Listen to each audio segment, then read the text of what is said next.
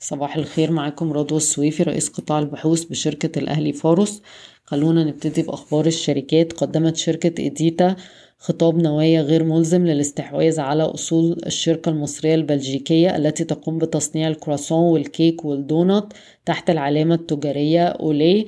ال process كلها هتاخد حوالي شهرين لحين اتخاذ القرار في, في هذا الاستحواذ. شركة GB Auto حصلت على موافقة وزارة المالية لرفع أسعار ثلاث موديلات هيونداي إلانترا وأكسنت RB وتشيري تيجو 3 اللي هي أصلا مشتركة في مبادرة استبدال السيارات. الزيادة هتكون بمبلغ من سبعة لعشرين ألف جنيه بحسب الموديل. شركة دومتي أكدت على استراتيجيتها في التوسع في قطاع المخبوزات لتصل مساهمة القطاع في المية من الإيرادات وبرضو ذكرت إن وصل حصتها السوقية من الألبان واحد ونص في المية بعد أربع شهور من تقديم المنتج.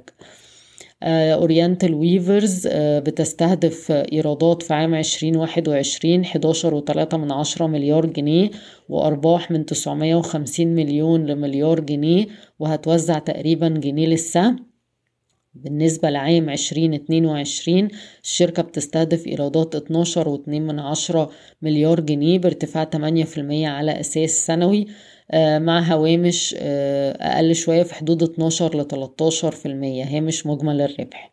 السهم بيتم تداوله عند مضاعف ربحية لعشرين اتنين وعشرين سبعة وستة من عشرة مرة. شركة كليوباترا أعلنت عن نتائج الأعمال بأرباح 272 مليون جنيه في أول تسع شهور من 2021 بارتفاع 51% على أساس سنوي. ونتائج الربع الثالث كانت 80 مليون جنيه بارتفاع 2% على أساس سنوي.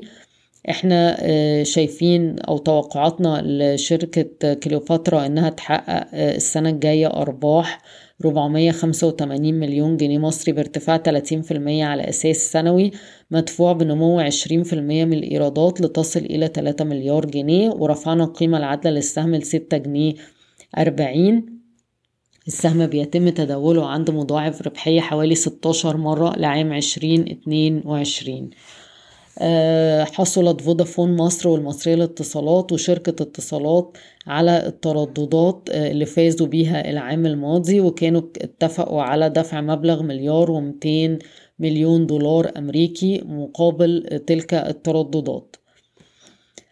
هيليوبوليس مصر الجديدة للإسكان وافقت الجمعية العمومية على توزيع عشر قروش للسهم بعائد اتنين واربعة من عشرة في المية وهتبقى على قسطين. تخطط شركة العاصمة الإدارية لإصدار ألف فدان على الأقل لعرضها على الشركات العقارية بس بعد تسعير أسعار الأراضي الجديدة. رفعت شركة الإمارات الدولية للاستثمار حصتها في مصرف أبو ظبي الإسلامي مصر من 11 وتسعة من عشرة في المية إلى 13 وأربعة وأربعين من مية في المية بمتوسط سعر 13 جنيه ونص.